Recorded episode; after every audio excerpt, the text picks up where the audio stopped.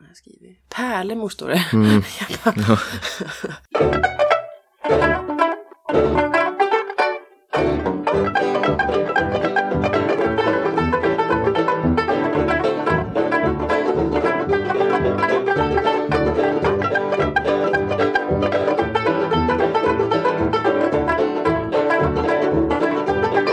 Bara, hej och välkomna till Designpodden igen. Tack. Ja men varsågod. Ja, och ja, vad säger vi nu då? Vad ska vi prata om idag? Idag ska vi snacka om en kvinna. Mm.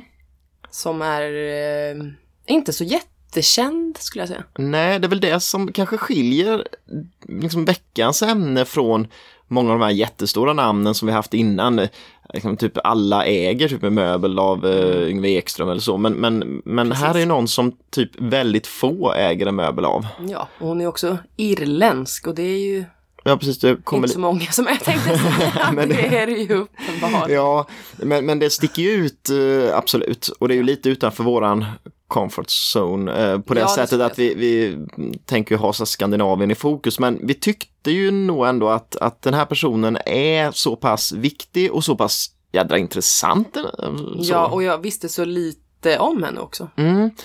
Och ja, vem är det vi pratar om? Mm, Eileen Gray! Ja, Och vi har ju nämnt henne förut, det har vi gjort. när vi snackade om höga klubbslag. Ja, just det, för att en eh, fåtölj hon har gjort, eh, den har helt enkelt sålts för det högsta som någon liksom, modern möbel har någonsin sålts för Ja. på auktion.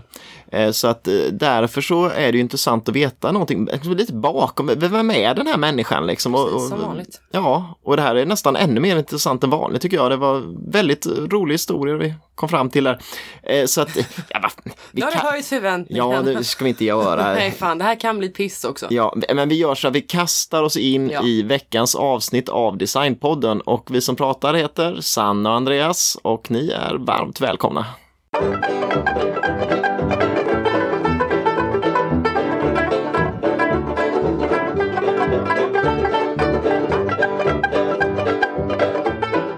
Ska då som vanligt ta lite biografi.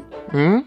Jag vet inte, jag gillar själva personen bakom och du får köra lite mer på, på prylarna. Jo, men jag tror det är väldigt intressant. Liksom, personen speglar ju naturligtvis föremålen väldigt självklart, tydligt. Självklart. Och hon är ju då ändå lite eh, annorlunda än Ja. de andra. Det gäller inte bara geografiskt men hon är ju tidigare också, Mm, när är hon född? 1878, Ja, den 9 augusti, i sydöstra Irland. Så det är ju det är tidigare och en helt annan eh, plats på, på kartan. på kartan, ja precis. Hon hette då när hon föddes Catherine Eileen Moray Smith och hennes pappa var målare. Mm. Så han eh, var, uppmuntrande till eh, att man skulle vara kreativ. Mm. Och den konstnärliga sidan, så det, Ja, det är ju det- trevligt. För jag tänker ändå slutet av 1800-talet, det var väldigt så här. Man tänker att det var kvinnor gör kvinnosysslor och män gör... Ja, men då ändå fick hon det där. Ja, men Ja, det var- så det tycker jag ju kändes trevligt. Mm. Och hennes mamma var barnbarn till en, en greve. Mm. Han var han som greven av Moray då. Ja. Och eh, hon var därför baronessa. ja, så att det är överklassläkt där. Ja, det måste man säga ändå. Och det här tyckte jag var lite intressant, men det stod alltså i boken som vi har läst. Som Ja, vi kan ta länkar den nu.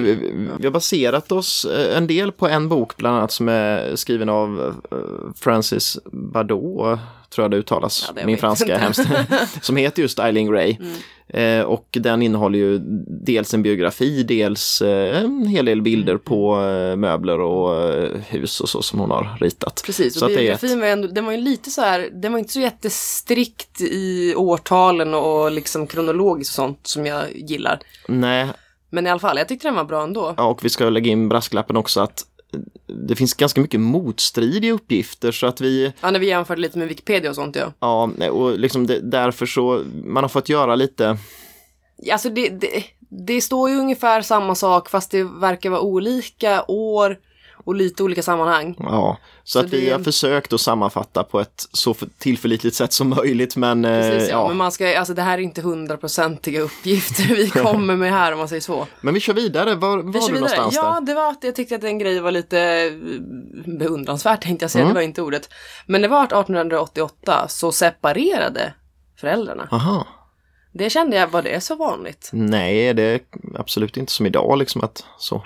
Nej, det är nog- jag tänkte på det i alla fall. Och då så fick barnen vara med mamman mest och hon bytte efternamnet på dem till Gray som hon hette. Ja, så det var redan då ändå hon hon fick det där Ja, namnet. Som, ja, ja. det var tidigt.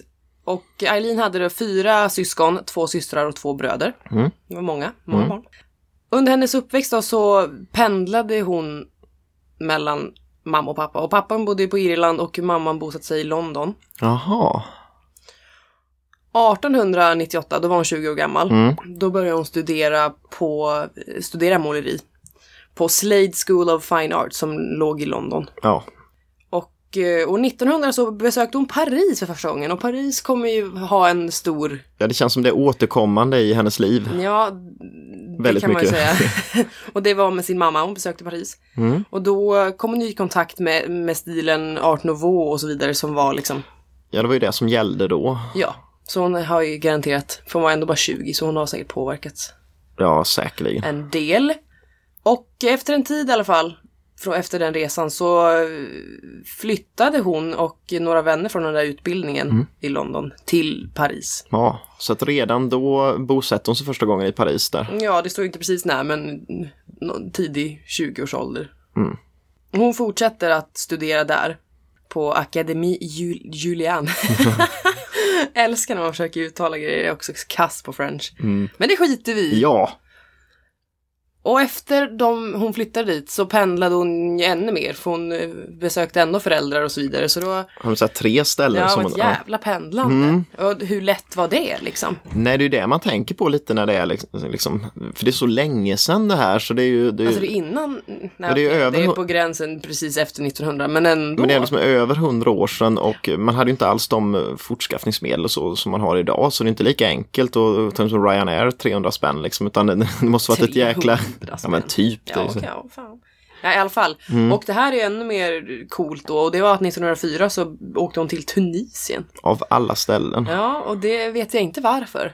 Men eh, så var det. Mm. Och hon, det var ju uppenbarligen något helt annat. Ja, det är ju Med verkligen... öken och liksom, Och säkerligen ännu mer annorlunda då än vad det är idag. För idag är ju världen väldigt, eh, liksom, ja, allting blir mer och mer lika. Men då Mm. måste det varit en väldig kulturkrock liksom. ja det antar jag. Och det påverkade henne så pass mycket att hon gick över till lite mer, vad ska man kalla det, i, i stilen liksom. Hon övergick i alla fall lite från det här barock och art nouveau Mm. till någonting lite mer, vad kallar man det? Jag tänkte säga kontinentalt men det är ju inte sant. Nej, Det är fel ord.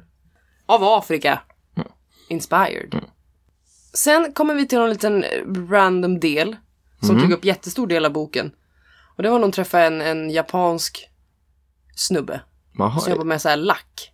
ja just det, som de här, det ser man ofta i Som heter japanskt. lacquer. Jag hittar ingen liksom skitbra översättning. Ja, man säger ju lack, typ lackaskar och sånt. Ja, det är ju klassiskt. eh, lackarbeten typ.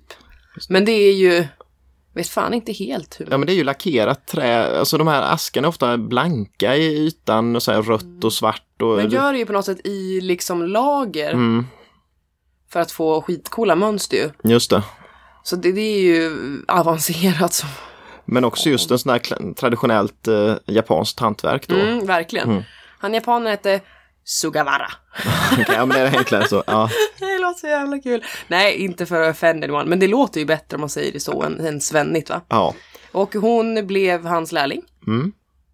Efter, ja, efter ett tag blev hon ju ganska bra på det vad jag förstår. Mm. Och då eh, kunde hon använda sig av eh, pärlemor, silver och guld och allting och så här Tillsammans med, med lackarbete. Mm. Såg säkert ascoolt ut. Jo, och det tycker jag man ser sen i en hel del hon har gjort.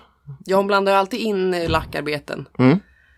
De samarbetade i alla fall i cirka 40 år, så Oj. det gick ju bra. Ja, det känns ju som så här långt, lång, Nej, långvarigt känns- samarbete. Känns det som ja. långt tycker öh, men gud. Sen, eh, sen blev det första världskriget tänkte jag säga, men ja. I alla fall 1914, som vi alla vet. Mm. Eller? Ja. Och då involverade hon sig ganska mycket i, i det. Hon, eh, Jaha, hur? hon var ganska tacksam för att Frankrike tog emot henne. Va? Så då ville hon ge tillbaka och så samlade hon ihop pengar till skadade och hjälpte till så gott hon kunde. Mm. Det var väl inte alla som gjorde det. Nej. Men sen så var det någonting med att hennes mamma blev dålig. Mm. Och då var hon tvungen att flytta tillbaka till London. Ja, Och det är här med årtalen det är lite luddigt skulle jag säga. För här stod det väldigt olika. vad säger boken där? Säger Nej, alltså, jag skrev inte ens upp för att jag blev lite förbannad på. Att det skiljer sig? Ja, för att i alla fall så stod det att hon återvände till Paris Mm. 1920. Ja. Men sen var det ju också i samma bok som det står att hon började ett projekt i Paris 1919. Så det Ja, var ju på om hon fortfarande pendlade eller whatever. Så det ska vi inte liksom ge oss in i. man kan väl säga så att det är helt enkelt, hon, hon flyttade tillbaka till London en period där och sen Ja, så exakt mamman. när det var i sent liksom, ja. Alltså sen- efter ja, första världskriget, när Ja. det hade slutat, Ja. så flyttade hon tillbaka till När det Paris. var mer möjligt att resa igen och Ja. så ju. Och på Wikipedia stod det förresten också att det var för att det var första världskriget som hon fly- flyttade till London. Ja, och det lär ju inte varit då så att då... Nej, fast jag vågar inte lova något. Nej, det är lite rörig period. Ja. Vem vet, va? Vem Mm. vet? Men efter andra, äh, andra världskriget, efter första världskriget, Mm. så var det ju en liten annan situation för kvinnor. Ja. Och det gick ju hem hos Eileen, för hon var faktiskt bisexuell. Mm. Och eh, hon så här körde kortklippt och Jo, hon hade någon sån här verkligen page. Ja, eh, verkligen ja. stenhård liksom. Mm. Och det ser jävligt coolt ut. Nej, hon verkar ju vara väldigt framåt tänkte jag säga. Vad fan? Nej, men li- lite alternativ ändå liksom så i framkant med, eh, ja. Exakt, och det är ju härligt. Mm. Hon rörde sig ju lite i sådana kretsar också, så då passar man väl ändå in. Jo, i sin, eh, i sin grupp passar man in ändå, men det är Ja, klart det var ingenting som var accepterat allmänt i samhället känns det som. Nej, inte. Antagligen. Ja, hon hade faktiskt också ett förhållande med en, en kvinna, en Mm. kabaréartist. Som kallad för Damia. Det lät ju väldigt svenskt, men ja, vi ska inte ge oss på något mera Nej. uttal tycker jag. 1919, för här är liksom, nu kommer vi till startskottet, nej inte startskottet på karriären, men, Men det lite största kanske, ja. på något sätt Mm. hittills. Men då står det att 1919 började hon med det här projektet att inreda en hel våning Mm. åt en Susan Talbot. Jag vet inte vem den är Talbot var. Ja, eh, modist läste jag någonstans. Ja, men liksom vad? Eh, och var väl liksom en sån här, också en person som var viktig för det franska kulturlivet. Nu hette hon ju egentligen inte alls det utan Nej, något vet, på franska jag vet, men jag vill inte uttala det. inte Nej. det. Jag vet inte varför, varför de har, har de gett något så här engelskt? Det här, förmodligen kallar hon sig det då. Ehm, Ja, jag ger mig inte på det. Men i alla fall det där är ju ett stort projekt för hennes lägenhet där, Mm. eh, ja den återkommer ju till, eller vi nämnde den som hastigast just när vi pratade om den här stolen som gick Mm, För det var extremt dit dyrt. den gjordes, Mm. så att säga. Och det här arbetet tog i alla fall cirka fyra år. Och Mm. det är också oklart igen under, mellan vilka år. Men, Ja, men inreda en lägenhet tog fyra år. ja, våning Eller då, men det ja. lär ju ändå en ja, begränsad yta. Jo, precis. Men hon designade ju också allt i princip i Ja, alla hemmet. möbler, alla så Det här, Mm. var liksom mattor, det var lampor, det var möbler, det var, och så gjorde hon massa sådana här lackarbeten också. Mm. Och det antar jag är en process. Och det är kul, alltså där finns det ju bilder på nätet Mm. från lägenheten. Det är så här zebraskinn och det är, Ja, det är exotiska djur blandat med lackarbetena och sen så Eileens möbler som är Och det skulle tydligen vara lyxigt men ändå enkelt, Mm. inte så här pråligt. Jag vet inte, enkelt skulle inte jag vilja kalla Ja, det riktigt. Det looks crazy. Ja, det, men det, som sagt, ja. mina källor är ju... Mm. Ja, det är lite så här liksom Tim Burton-film över lägenheten. Men ja lite. Men vem fan har hon fått det ifrån egentligen, författaren då? Att Ja. det skulle vara lyxigt men enkelt. Vi behöver inte lita på allt. nej, Men hon använder ju också, också av typ alla material som finns, känns det som, i den där lägenheten. Mm. verkligen. Och det är ju kul. det var, var mycket elfenben. Mm. Mycket död. Jo, men det var mycket djur uppstoppat Ja. eh, och sånt. Jag är inget jättefan av sånt, men det är ju du. Ja, det är jag. Fy. De två mest kända möblerna från lägenheten Mm. efteråt då. Det är en eh, fåtölj, Mm. en av dem alltså, som kallades Bibendum. Jag vet inte om det var något engelskt, om det ska uttalas mer franskt, I don't really know. Men det var ju inspirerat av någon en däckgubbe, Michelin-gubben typ. Ja, just det. Och det, det, den påminner ju faktiskt lite om det. Mm. Den är ju då, består av tre liksom tuber av läder. Mm. Som är, böjda ja men de är egentligen. rundade, det är ju som en halvcirkel Ja, nästan. det blir som en baljfåtölj fast eh, förenklad liksom med de där tre. Mm. Och Och så är det stålrör det. också va? I, Ja, i den det där. är det ju. Det är det. Och det här känns ju som att det är ganska tidigt ändå för att de- den är ju liksom modernistisk verkligen Mm, i sitt formspråk. Oh, ja. Eh, och det här är ju ändå då kring 1920 liksom. så ja, att det, det är ju lite lite in på. efter, men ja. ändå. Ja. Det är tidigt. Ja. Och den är, jag tycker den är ascool. Den var tydligen ganska stor också. Jag skrev inte upp måtten, men Nej, det den var en bjässe. Mm.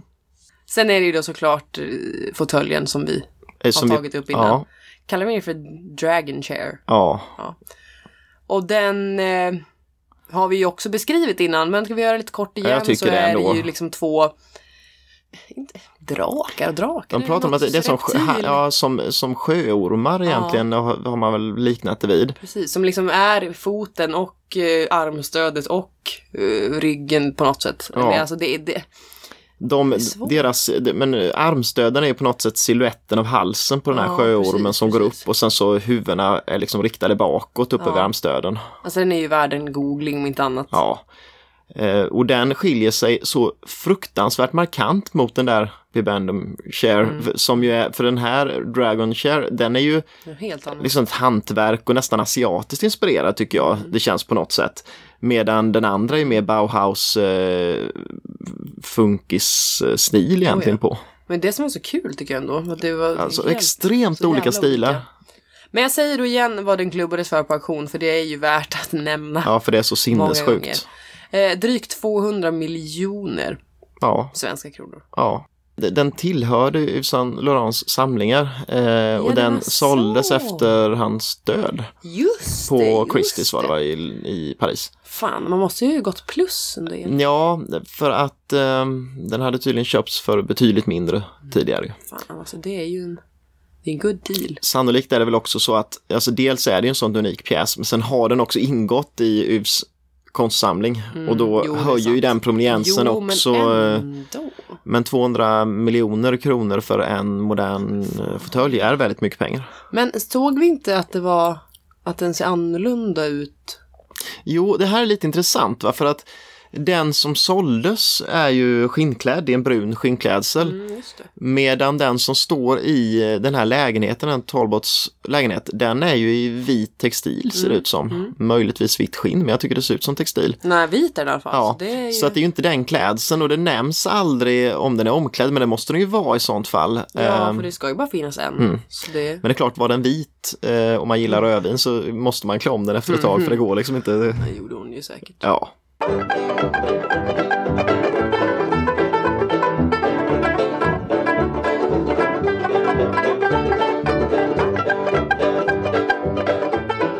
eh, när man eh, pratar om Mylene Gray så likadant som med många av de här andra formgivarnamnen så är det just deras hus som blir intressanta. Ja, det är ofta det. Ja, det, det återkommer hela tiden. Och, och samma sak gäller ju med, med Eileen Gray då, um, och det hus som de flesta förknippar med henne. Hon ritade bara, var det två eller tre hus, så att det är ju liksom en väldigt, hon var inte verksam som arkitekt egentligen under någon längre period, men, men hon, um, om säger så, det, det här huset uh, E1027, det um, byggdes mellan 1926 och 29 och ligger liksom ner mot Medelhavet med, med utsikt över Monaco så att det är ju sån här fantastiskt läge på det.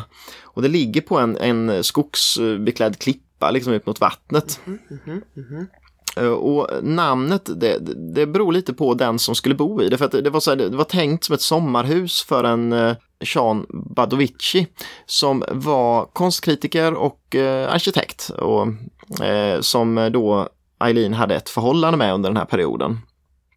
Och namnet då, det det är också, det är lite kryptiskt det där, låter som ett katalognamn E1027 men det, det är ett så här ett kodspråk där för, för eh, E då står för Eileen förstås. Och sen 10 står för eh, J i eh, Sean då, Alfabetet. i alfabetet helt enkelt. Två för Badovici och sju på slutet för Gray. Så om liksom blir det Ja. deras namn tillsammans i något litet krypto där. Och det var tänkt som ett sommarhus till honom. Och han ville ha ett sommarhus och han tyckte att Eileen Gray skulle ritade för att jag antar att han, för hon var ju inte utbildad arkitekt på något sätt men han kände väl att hon skulle klara av det där på ett väldigt bra sätt och eh, om hon ritade skulle bli ett, ett hus precis som han ville ha det. Jag antar det. Och sen hjälptes de ju åt mycket när de gjorde det tydligen och det finns inte dokumenterat precis hur den processen gick till men men eh, det är tydligt idag i alla fall att, att Eileen Gray var väl den som var ledande i det arbetet. Även om man då på den tiden mest ville säga att det var han som hade ritat det för att en kvinna skulle inte kunna göra ett så genialiskt hus.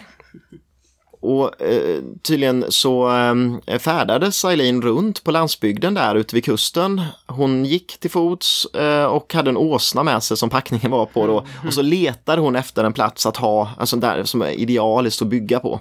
Och hittade till slut den här kullen. Men får hon bara ta den hon vill? Ja, jag vet inte hur det funkar, förmodligen hon var ju tvungen att köpa den förstås, men, men hon hittade den här platsen, det här är bra. Och sen kampade hon där och tog, liksom, studerade hur solen föll, hur vädret skiftade och så vidare för att ta hänsyn till liksom, hur, hur ska jag bygga för att det ska bli perfekt och huset smälter in liksom, i landskapet. Fan avancerat.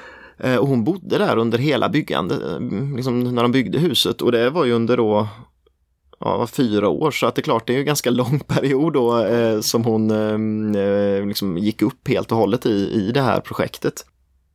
Och även där likadant som när hon inredde den här våningen då i Paris så, så hon ritade ju alla möblerna till huset. Och här blir det en del möbler som sen blir klassiker ändå och det är bland annat det här eh, ett, ett brickbord eller ett, så här ett ja, eh, som, som heter också ofta E, kallar man det i alla fall, E1027.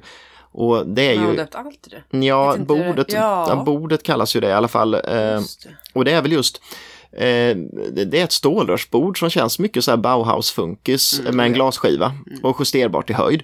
Och det, hon gjorde det för att hennes syster skulle komma och hälsa på och att då hon skulle kunna ligga i sängen och äta utan att slabba ner. Liksom. Så att, eh, ja, funkis-tanke bakom det i alla fall där också. Måste man säga. Eh, Eh, och det här huset ligger ju fortfarande då det finns kvar och det ligger väldigt otillgängligt och det fanns ingen bilväg in dit. Eh, så man var tvungen att köra, köra alla grejerna som man behövde till bygget på skottkärror genom terrängen upp till den där kullen då och eh, det var lokala bygga, liksom hantverkare som byggde alltsammans. Ja, hur ser det här huset ut då egentligen? Alltså det är, man har kikat lite, det, det är, själva huset i sig är L-format. Eh, och det har två våningar. Och sen är det ju så här extremt, eh, vad ska man säga, det är ju det är så här modernistiskt hus. Eh, verkligen om man tänker arkitektritat ritat hus så är det ett sånt här hus om man Det är säger. ett töntigt ord. Ja, men liksom Ska vi slänga oss med det? Ja, verkligen? men jag tycker det. Ja, Men, nej, men det, det har vita väggar. Det har liksom glaspartier från golv till tak. Eh, det har eh, liksom, man tänker på det här eh, att, att liksom sudda ut gränsen mellan ute och inne. Till exempel finns i köket finns både ett utekök och innekök som flyter samman. Alltså exakt det här som många idag verkligen ser som så här extremt modernt men så är ju det huset också då. Eh, skåpen är inbyggda i väggarna och eh, allting är tänkt att kunna förändras efter tid då, va? man ska kunna flytta på väggar, man ska kunna, möblerna ska kunna ställas om efter hur många man är eller vad man ska göra och så vidare då va. Eh, så att på något sätt det är ju ett funkishus ändå, får man ju lov att säga. Mm, det låter så. Mm. Men eh, Gray och eh, Barovici, de, de skiljer, sig- eller skiljer, de är gifta, men de går skilda vägar för ganska snart efter att huset står klart. Mhm. Så det gör väl också att Alla har Eileen- sitt. Ja, men typ va. Det, jag vet inte hur det här gick till riktigt. Mhm. Men då, så att då skiljs också egentligen eh, Eileen Gray från det här huset eh, ganska tidigt. Och hon bygger också ett nytt hus sen som ja, väljer att inte prata om nu för att eh, ja, vi fokuserar på det här huset helt enkelt. Tempa Paella tror jag det hette, det där nya huset hon byggde då. Paja, Pa- ja. det är ju mat. Ja. Men någon som blev väldigt fascinerad över eh, Eileen Grays hus, det var ju Le Corbusier. Mhm. Och Le Corbusier, han, det var väl fascination över huset men också någon, alltså man har förstått att det är ju en jädra avundsjuka som fanns också. För här kommer, kommer Eileen Gray som inte utbildar arkitekt, som är kvinna och så ritar hon ett hus som är bättre än Le Corbusiers hus. Eh, Villa Savoy som han hade byggt. Vem säger det? Ja, men alltså det, det är ju på något sätt, det fick åtminstone Le Corb- Le Corbusier själv verkar ju ha tyckt jag. tyvärr att, att det Det var så. bara var han. Jag har aldrig lärt mig om Eileen Gray, men jag har fan mm. lärt mig om eh, Le Corbusier och Villa Savoy. Men, men liksom på något sätt, han, han verkar ju inte kunnat liksom komma över riktigt att, att hennes hus blev så bra. Lite vidrigt. jag, Ja, han. det finns ett liksom så här vidrig personlighets... Ja, vad är det för typ där. Eh, det och, jag och grejen är att han eh, kom att tillbringa rätt mycket tid i det här huset tillsammans med eh, med eh, Badovici som, som bjöd in honom. Så Le Corbusier och eh, hans fru Yvonne, de ja, bodde där under perioder. Ja.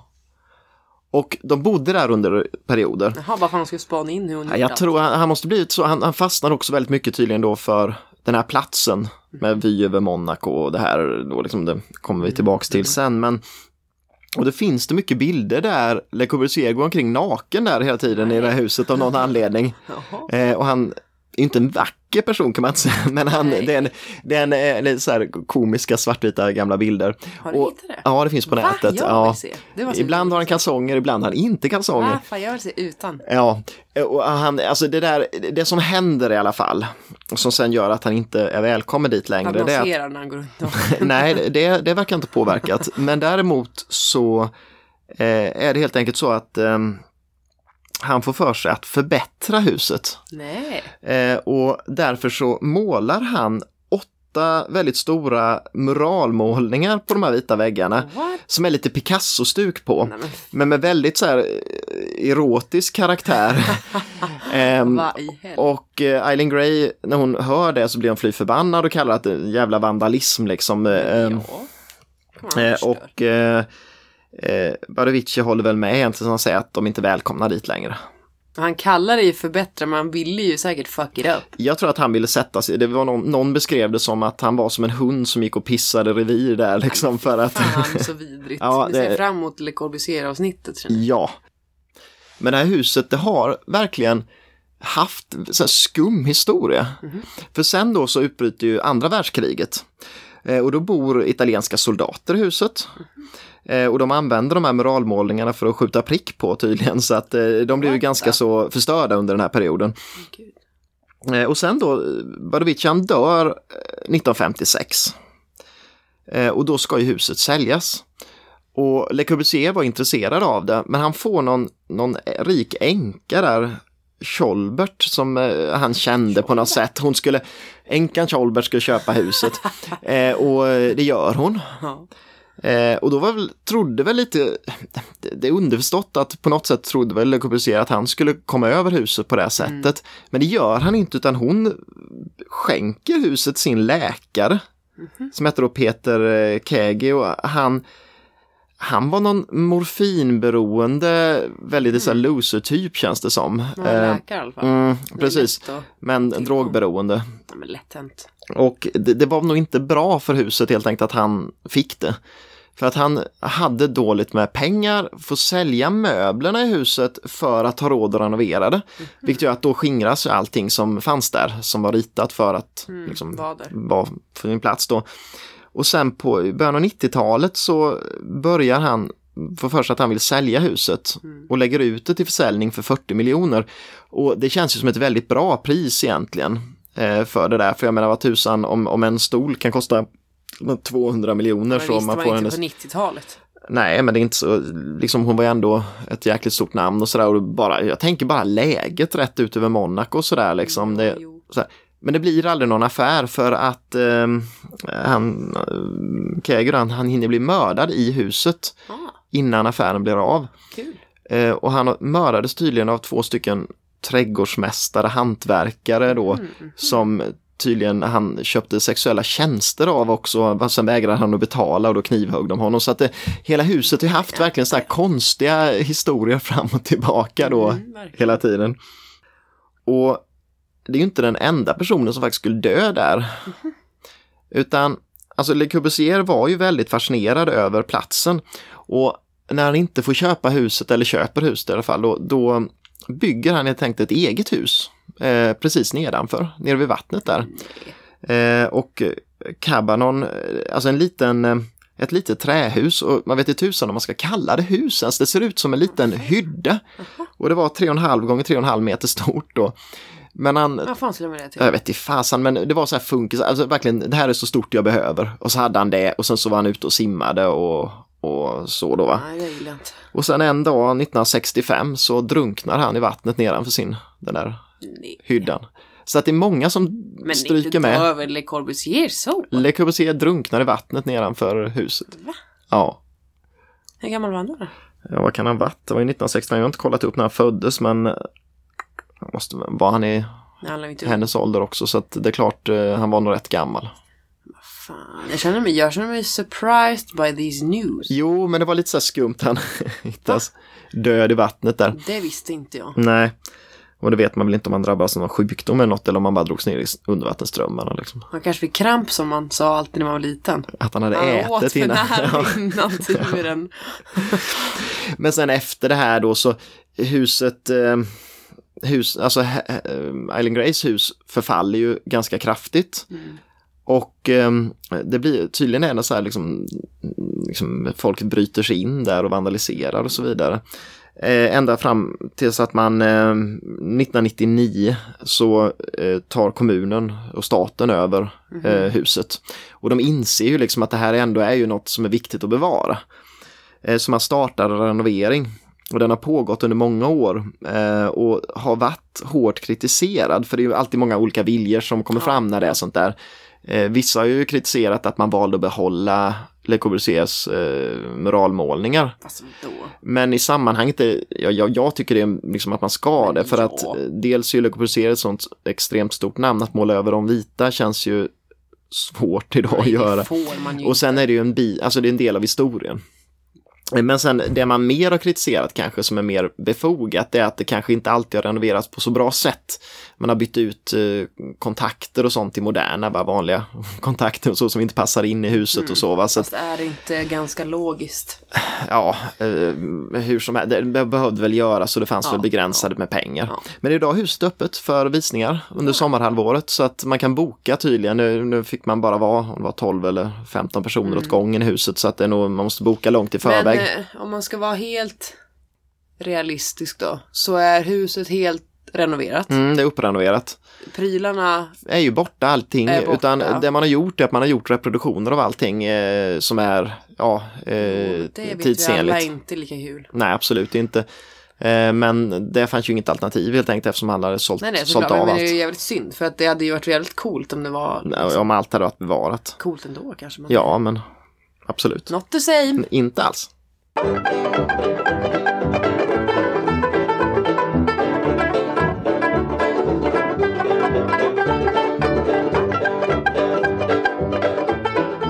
När i år snackade du sist ungefär? För att, Ja, så det här är ju lite flytande för att eh, när det gäller Iron Grey så var det ju bara att, att när huset byggdes, men det var ju bara under fyra års tid där, sen så drog hon ju vidare och byggde ett till hus och så vidare. ja just det. För jag har i princip inget. Det Nej. stod i den här boken då, som inte verkar helt, he, ja. Heltäckande om man säger. Nej. Men att eh, efter eh, kraschen på Wall Street eh, 29 Mm. så gick det ju inte så bra. Nej, det gjorde väl liksom med ingen Nej, verksamhet i hela, någonstans i hela världen. världen. Ja. Men hon hade ju någon butik i Paris också som hon var tvungen att lägga ner och, Mm. och ja, nej, men jag hittar, jag har ingen bra info. Nej, men det är, så här, det är svepande formuleringar om att senare så ägnar hon sig mest åt konstnärskap. Punkt. Ja, ja, men lite så faktiskt. Så att, eh, ja, nej, jag vet faktiskt inte. Och det är ju en ganska stor del av livet uppenbarligen. För hon dör ju väldigt, väldigt, väldigt gammal Ja. ändå. Ehm, 98 Mm. blir hon. Ja. Och det var alltså 1976 som hon dog i sin lägenhet i Paris. Ja. Och det är ju, hon jobbar ju tydligen ända upp i 90-årsåldern läste jag. ja, men med vad? Ja, men det är det jag inte Nej, vet. men hon, alltså grejen är så här att det produceras ju än idag, alltså nyproduceras vissa möbler och så, Mm. men alla de är ju de hon ritade när hon gjorde de här projekten till lägenheten eller till eh, huset. Ja, det var hennes liv då. Ja, en, en kort sammanfattning, men En blackout mellan slutet på andra världskriget till när hon dog 76. mm, och jag tror att hon var ändå ganska bortglömd under den perioden och eh, fick lite upprättelse på slutet eh, med några priser och sånt fick men annars var hon väl ganska bortglömd ändå. Det är ju hemskt men ja, ja. Men ska vi ta lite klubbslag va? För att det, det är ju ändå intressant med någon som är, alltså det, det, det finns ju en del riktigt bra där. Klubbslag är alltid intressant. Det är det bästa. Mm. Och vi ska inte säga om Dragon Chair again va? Nej. Men eh, så, så att man kommer ihåg bara Ja. att vi har det att jämföra med. Mm. Näst dyrast av henne då, ever. Mm. Det var ett sideboard som var sånt där lackarbete. Mm. Vet inte helt vad för motiv. Nej. Men det var väldigt coolt. Och det såldes på Christie's i Paris samma år som eh, The Dragon Chair. Ja. Och det, alltså utropen tycker jag var helt jävla crazy. Eller, det beror på hur man ser det. Men de har satt ett utrop på mellan 30 och 50 miljoner. Ja. Ja, Det är ju mycket. Det är ju eh, sjukt. Och den gick ju då för 35 miljoner och då låter det ju genast lite. Mm. Och det är det som är så stört när man sätter här höga. Ja, trots att då 35 miljoner är ju 35 miljoner för bra ett betalt. sideboard, det är ju mucho manis. Yes. Också ett konsolbord som har gått väldigt, väldigt dyrt. Också ett sånt där lackarbete. Mm. Det såldes i Belgien tydligen. Ja. Och det hade ett utrop på 25 till 35 och det klubbades för 26 miljoner ungefär. Mm. Också sådär en riktigt bra. Det är ju det är inte enormt ett konsolbord liksom. Nej, nej, nej. Det är inte så mycket trä. Nej. Nej, det är sjukt. Mm. Sen har vi lite den här eh, Bibendum-stolen då som ändå är ganska populär. Ja, precis. En av dem som, ja, som finns idag i produktion. Ja, och jag tycker alltid att det är roligast att ta de dyraste klubbslagen uppenbarligen. Det finns ju sjukt många på mindre. Men eh, en i vitt skinn såldes på Christie's i Paris. Och då var det utrop 6 till 8 miljoner och klubbslag eh, strax under 6 miljoner. Ja. Eh, men det ska man komma ihåg, det är för en eh, funkisstol. Eh, och, och. Och den, men det som är roligt där är ju att i och med att de, det fanns ju inte många överhuvudtaget som är riktiga då, om man ska säga, liksom från, från tiden. Och Nej, då de, kan man ju säkert härröra precis var den har stått och, och så vidare. Jo, det kan man antagligen. Sen måste jag ta upp det här bordet som också då hette E1027 som du sa. Exakt, det är nog det som de flesta har, alltså om man har sett någon möbel Ja. av Eileen Gray som har sett Exakt. det bordet. Och det är det som går oftast på auktion och syns överlag bara. Ja, Därför är det också en väldigt blandad prisbild. Men eh, oftast mellan 3 och 6 tusen. Mm. Men ibland också ganska mycket mer. Jag såg ett som hade gått för 8,5 eller något. Men då kändes det väldigt högt på en gång. Mm. Men alla de är väl nutida Ja. mm, kopior om Ja. man säger, fast de är ju räkta men Ja. de är ju liksom inte den Frågan är hur många det finns och de gamla, jag hittade heller inget alltså, som, inte som uppenbart är ett ursprungligt bord. Nej. Och då känns det också som det, då kostar det 5 miljoner Ja, plötsligt. det antar jag. Men som sagt, något sånt hittar jag inte. Nej, det gör man inte. Men ja, det finns ju ny produktion av vissa grejer ska vi väl säga. Det har vi inte riktigt kollat upp. Nej, det är en engelsk firma som producerar Ja. eh, ett antal av Eileen Grays möbler Mm. i nyproduktion idag. Och i det här fallet, jag menar det är ju ibland när vi har kollat på andra formgivare och så, då har det varit ja, till och med billigare ibland att köpa eh, liksom de äldre grejerna. Men i Mm. det här fallet det finns ju inte det finns en handfull människor i världen som har råd att köpa äkta grejer av Eileen Gray som har stått Ja. kanske i hennes hus eller i, i den här lägenheten i Ja, Paris nej, och så. gud. Så att eh, ja, det är väl det enklaste sättet att kanske bli ägare av en, möbel av Eileen Gray. Nyprodd ja. Ja. Ja, jo, jo, jo. Ja, alltså det här var en liten sammanfattning av Eileen Gray. ja, vi har inte mer än så. Nej, och som sagt var den här boken vi har läst, eh, den kan man ju kolla in. Sen har det ju också då kommit en film om Eileen Mm, Gray just som det. inte vi har tittat på. Nej, det, gick, det var svårt att få tag i. Ja, den är lurig att hitta och den är ju biografisk film så, men ibland kan det vara bra att inte se en spelfilm också när man ska läsa in sig på en person för att ofta så har man nog förskönat olika saker och Självklart. Men det hade ju varit lirat. kul, men ja. så att det är ett tips i alla fall om man lyckas hitta den någonstans så kan det vara kul att ko- kolla på den. Den har fått Du bra ska inte betyg. säga vad den heter. Eh, nej, för det har jag glömt bort. Nej men, aj, aj, aj. Men, men i alla fall, det, mm, om man söker på Eileen Gray Movies så, Ja, så kommer den vill upp. komma upp. Eh, Så att eh, det blir väl ett projekt för oss att försöka hitta, Ja, hitta nu den vill någon gång. jag absolut se. Jo, precis. Se lite där med, det handlar mycket om det här med Le Corbusier och henne och de här verkar det Ja, som. Så det, intrig, ja. För hon verkar ju väldigt cool. ja.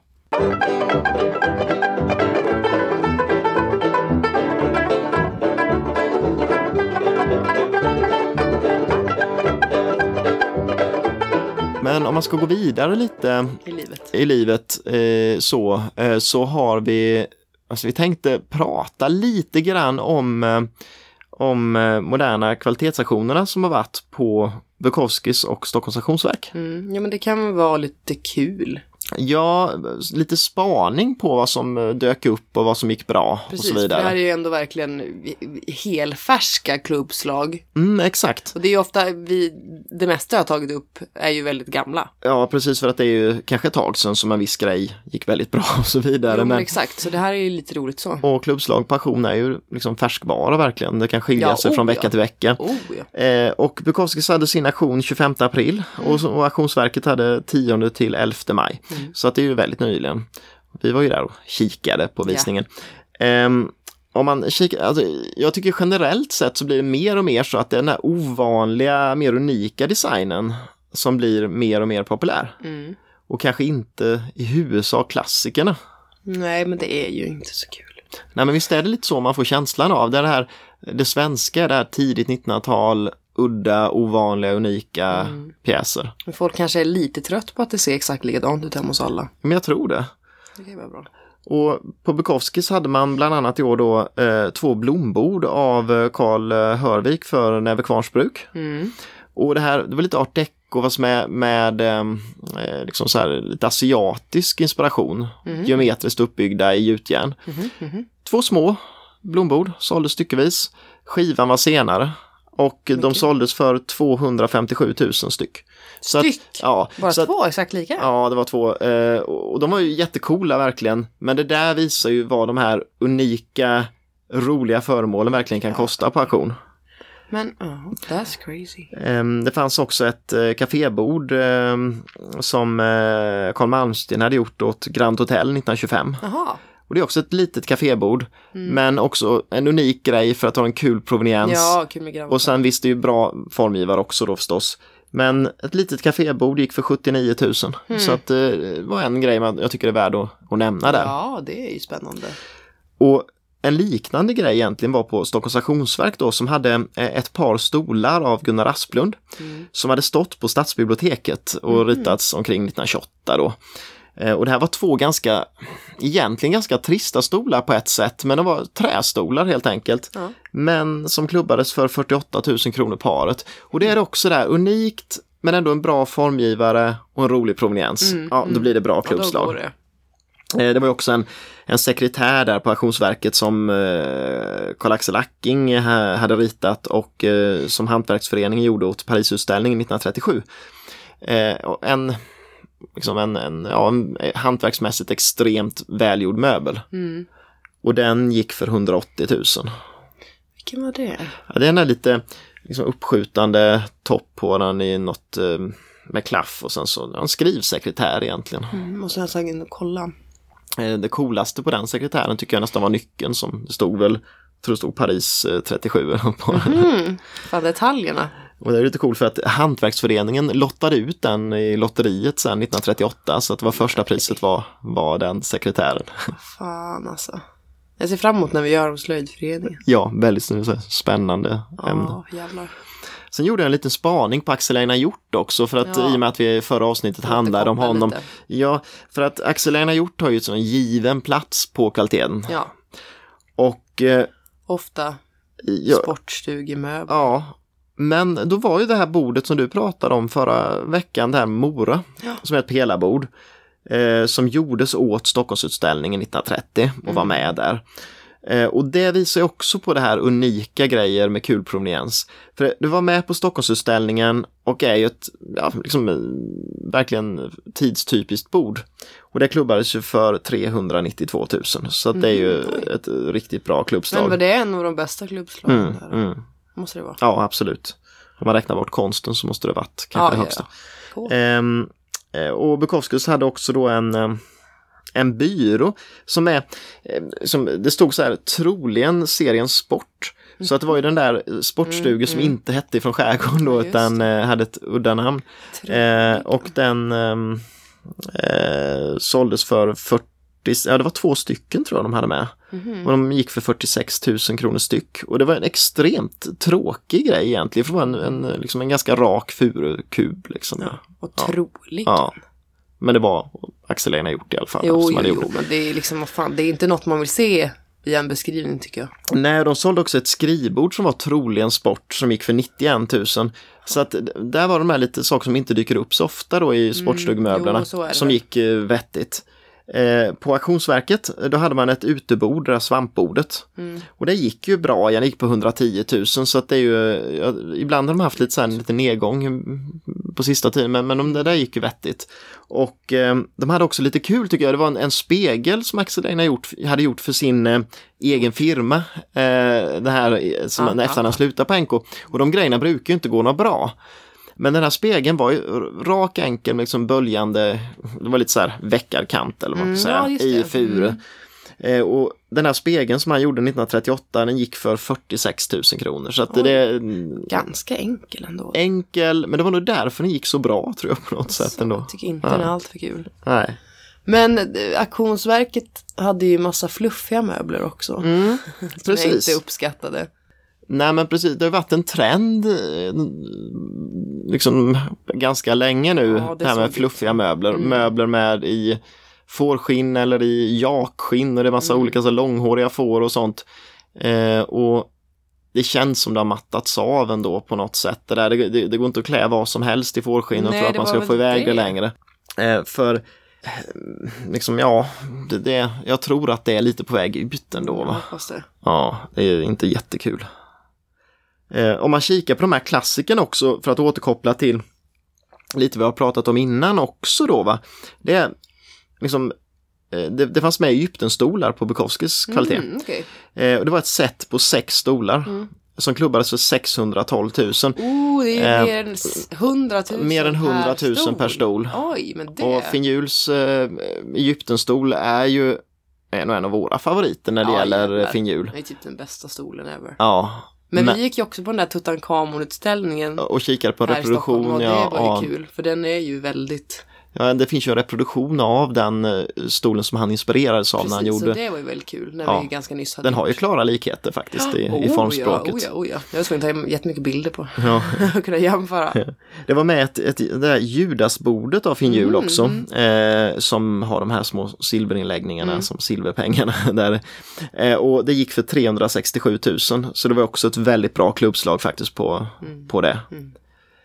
Eh, annars så var det inte så mycket som stack iväg av det här mer. eh, Ja, en sak som måste nämnas också det är så här kohornstolar av eh, eh, Hans J. Wägner. Cool. Ja, det, den kallas det kohornstolen. Det, det, ryggstödet påminner lite om två kohorn. Eh, Måste J- mm, Johannes Hansen har tillverkat en JH 505 heter modellen. Och där gick sex stolar för 680 000. Så det är också över 100 000 kronor styck för en matstol av Wägner. That's, ja, det är vägen.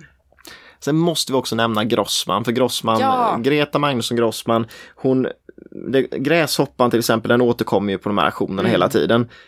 Eh, Gick och ja, på auktionsverket fick man 38 000 för en eh, vit och på Bukowskis fick man 53 000 för en röd. Så att eh, det- ja, liksom helt, det, det håller väl i sig men Ja, det går varken ja. upp eller ner. Nej, det är ganska... Sen sålde man på auktionsverket också en sån här eh, den här soffan som har sålts tidigare också som var ett väldigt bra klubbslag Ja, på. Den här, Grossman. ja, Grossman soffa, den här som hon gjorde Mm. för studio i, i Stockholm. Eh, och den eh, svängda soffan den gick den här gången för 95 000 så att det är väl lite lägre än vad den har gått för tidigare. Vad för färg? Var den grön den här med? Kanske Eller grå? Ah, jag Mm. kommer Ja, inte ja, ihåg. 95 Nej. är mycket. Mycket men inte alls som det kostade första gången den såldes det. Nej. Och sen ska man väl nämna att Josef Frank dyker upp alltid på Ja. de här auktionerna också. Och det gjorde han ju både på Bukowskis och på Auktionsverket förstås. På eh, Auktionsverket så, eh, ja, jag kan säga det känns som det var lite kanske mer standardmöblerna av Josef Frank som dök upp. Eh, stack ut gjorde Nilpallen som är en sån här, det ser ut lite som en, nästan som en sån här traktorsits i trä och sen så eh, tre ben ner. Men på Nilpallen är också inspirerad av någon egyptisk pall. Det låter så, ja. Ja, eh, gick för 30 000 för en liten enkel pall. God. Så att det var ju bra på det sättet.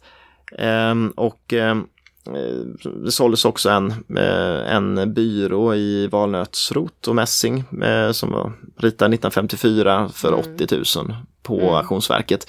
Men de höga klubbslagen på Josef Frank de kom på Bukowskis. Mm. Eh, Och där sålde man eh, dels Nationalmuseeskåpet, det här 19-lådiga skåpet som eh, dyker upp ibland på auktionen, gick för 140 000. Mm. Men sen då såldes ett sånt här floraskåp eller vad man ska kalla dem då. Nej, Det var ett, eh, ett skåp klätt med botaniska 1800-talsplanscher. I hate those. Och det lär vara unikt det skåpet i och med att det finns nog inget annat som är till, liksom har de planscherna just i klädseln. Skåpet såldes för 490 000. Men man ser ju inte om man inte tittar jävligt noga vad det är för planschjävel på. Nej, Nej, jag är inget fan av dem. men de håller i sig och är extremt populära helt enkelt. Gud vad tråkigt. Jag är allergisk. Mot floraskåpen. Ja, inte växterna. Nej, Nej, precis. fy fan. Men vi kommer uppenbarligen göra ett avsnitt om Josef Frank. Vi vill ju bara ha lite distans mellan Estrid och... Ja, precis. Det är väl en sån sak som kommer här framöver. Ja, Det var veckans avsnitt. det var det. Eh, Vi får in lite tips hela tiden om olika ämnen och så. Det tackar vi allra ödmjukast för. ja, ja. Eh, För det är lite svårt att komma på. Eh, Och man vet inte alltid vad, folk vill höra sådär. Men så har man en idé, vad den må vara, så, så hör av er. Till Och, ja, till... eh, designpodden gmail.com. Och det går bra att gå in på vårt Instagramkonto också där vi heter eh, Designpodden. Ja, och skriv kommentarer eller skicka ett meddelande där. Och på Facebook finns vi också. Eh, Så att eh, det är bara att höra av er. Eh, Och eh, ja, det var det vi hade idag. Och nästa vecka kommer något nytt ämne som vi inte ens har börjat tänka på än Nej, faktiskt. Men eh, det blir spännande för oss att Ja, komma på det. det är bra. Ja. Hej då.